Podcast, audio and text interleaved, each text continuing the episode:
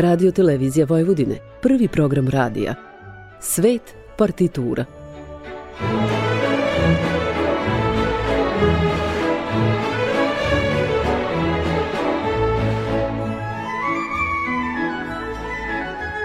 Urednik i voditelj Bogdan Đorđević.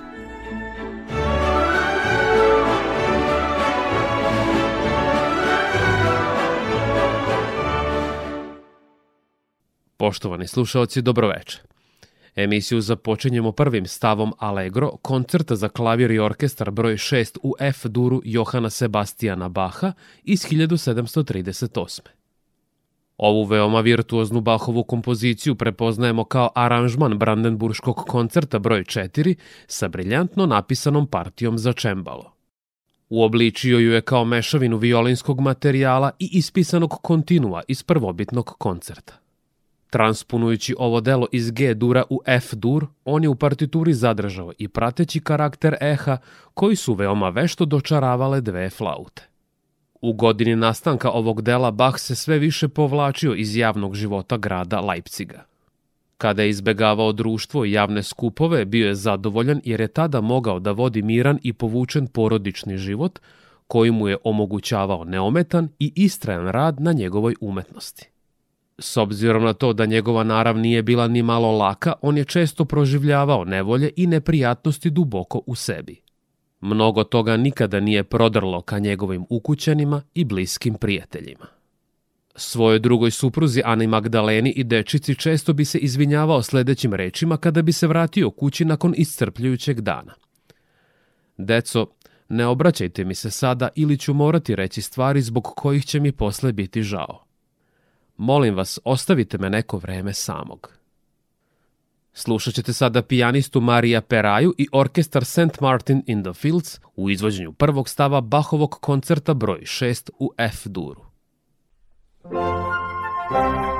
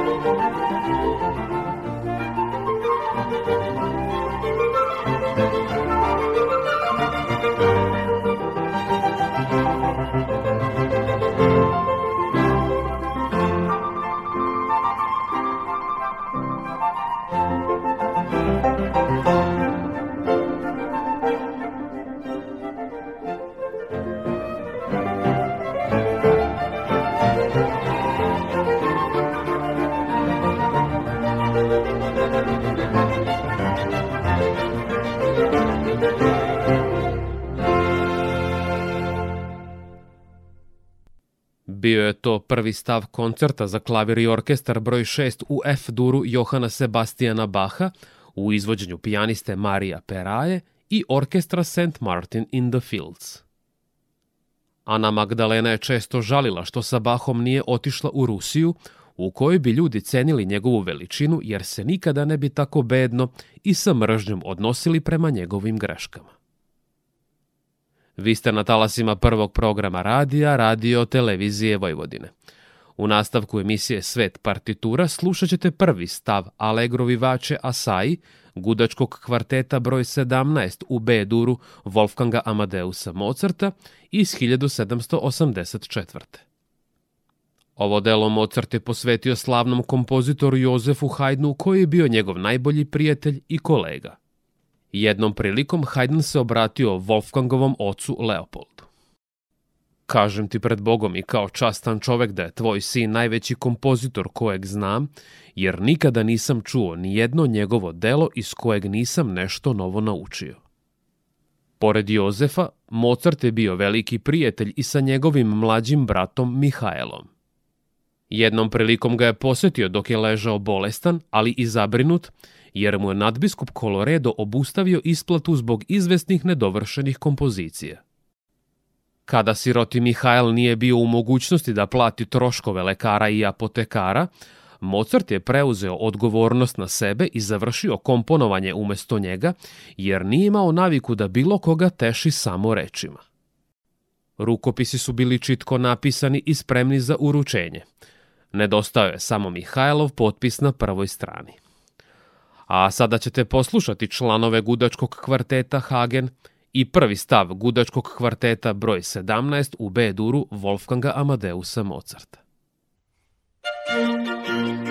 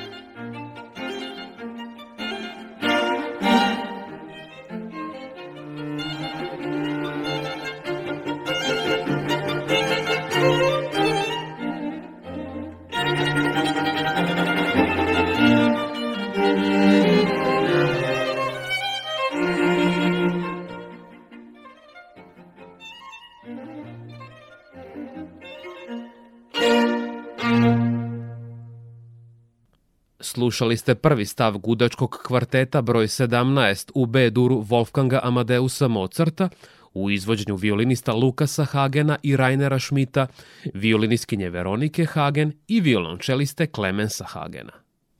Ova kompozicija iskorišćena je kao muzička pozadina u ekranizaciji romana Avanture Huckleberrya Fina Marka Twena i naučno-fantastičnom filmskom serijalu Zvezdane staze.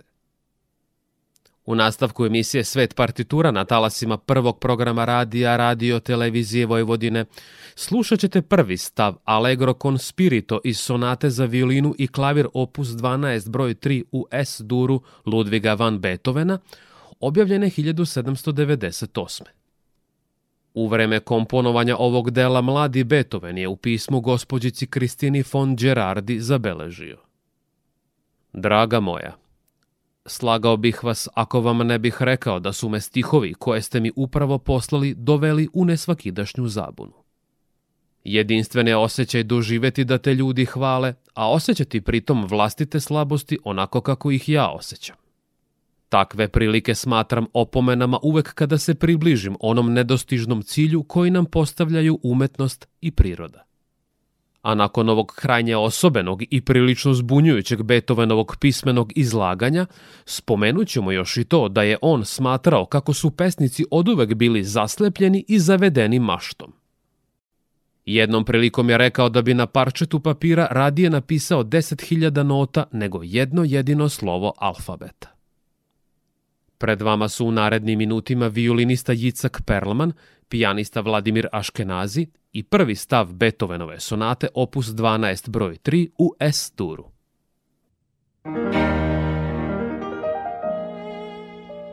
thank you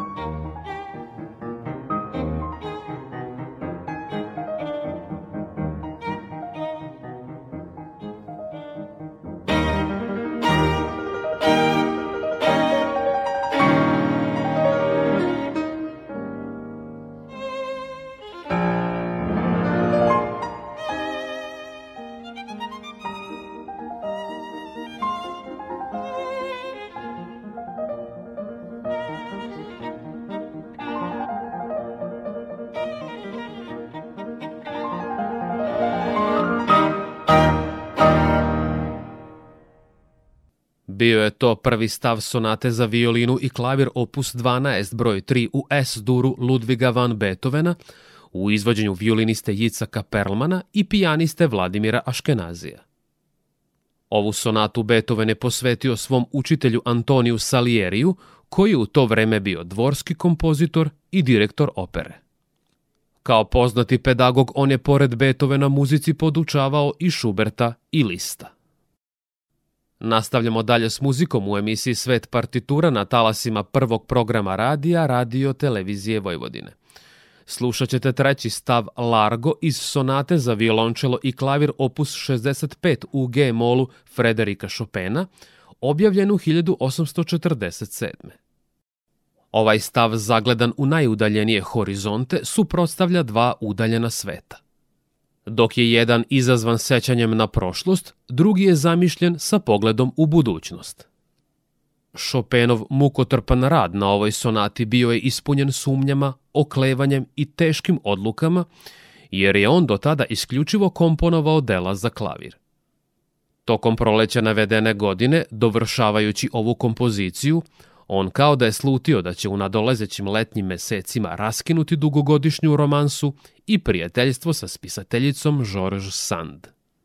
U pismima uoči fatalnog susreta i konačnog raskida u njegovim rečima ipak preovladavaju pretežno srdačna raspoloženja i blagoslovi. Ti samo stvaraš remek dela u svom poslu i to me ne čudi. Dobro si i bit ćeš i dalje tako. Neka ti Bog uvek pomaže u tvojim naporima. Čuvaj se, budi srećna i spokojna. U elegičnoj, melaholičnoj i nostalgičnoj muzici praćenoj sporadičnim zvucima ushićenja i nade, kroz izraze dostojanstva i unutrašnje snage predstavit će vam se violončelista Jo Jo Ma i pijanista Emanuel Aks. Thank you.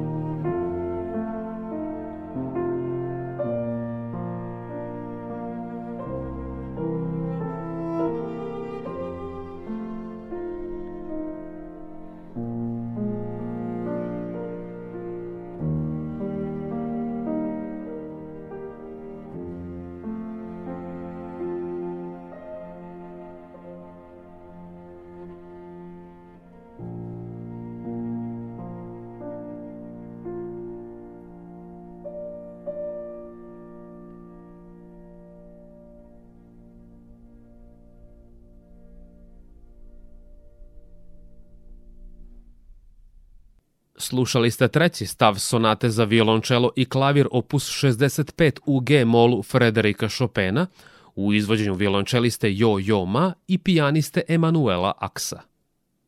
Ovaj Chopinov postromantizam uticao je na stil koji će posebno doći do izražaja u drugoj polovini 19. veka u muzici Bramsa i Čajkovskog, Dvoržaka i Franka, Griga i Malera. Prelazimo sada na sledeće delo u emisiji Svet partitura na talasima prvog programa radija Radio Televizije Vojvodine. Slušat ćete Rakocijev marš Franca Lista iz 1871. Ferenc II. Rakoci bio je transilvanijski knez i vođa pobune protiv austrijske dominacije nad Mađarima. Kada su ga 1701. razotkrile austrijske vlasti, prebegao je u Poljsku, iz koje se vratio nakon dvogodišnjeg izgnanstva kako bi organizovao novi ustanak. Tada je Mađarski sabor zbacio s prestola Habsburgovce i poverio Rakociju upravu nad čitavom teritorijom. U navedenom periodu nastale su brojne pesme o njemu i ova svojevrsna himna koja ga naziva kraljem. Ipak ustaničke snage su bile poražene 1711. kod Trenčina u Slovačkoj, nakon čega je ustanak bio ugušen. Veći deo plemstva ubrzo je zaključio mir sa Austrijancima i priznao apsolutnu vlast Habsburgovaca. Ferenc II. Rakoci morao je tada po drugi put da napusti zemlju i okončao je svoj život u Otomanskom carstvu. Kompozitor i pijanista Franz Liszt napisao je niz aranžmana na gore pomenute melodije nepoznatih autora, uključujući poznatu mađarsku rapsodiju pod rednim brojem 15. Pred vama su sada Segedinski simfonijski orkestar i dirigent Đula Nemet.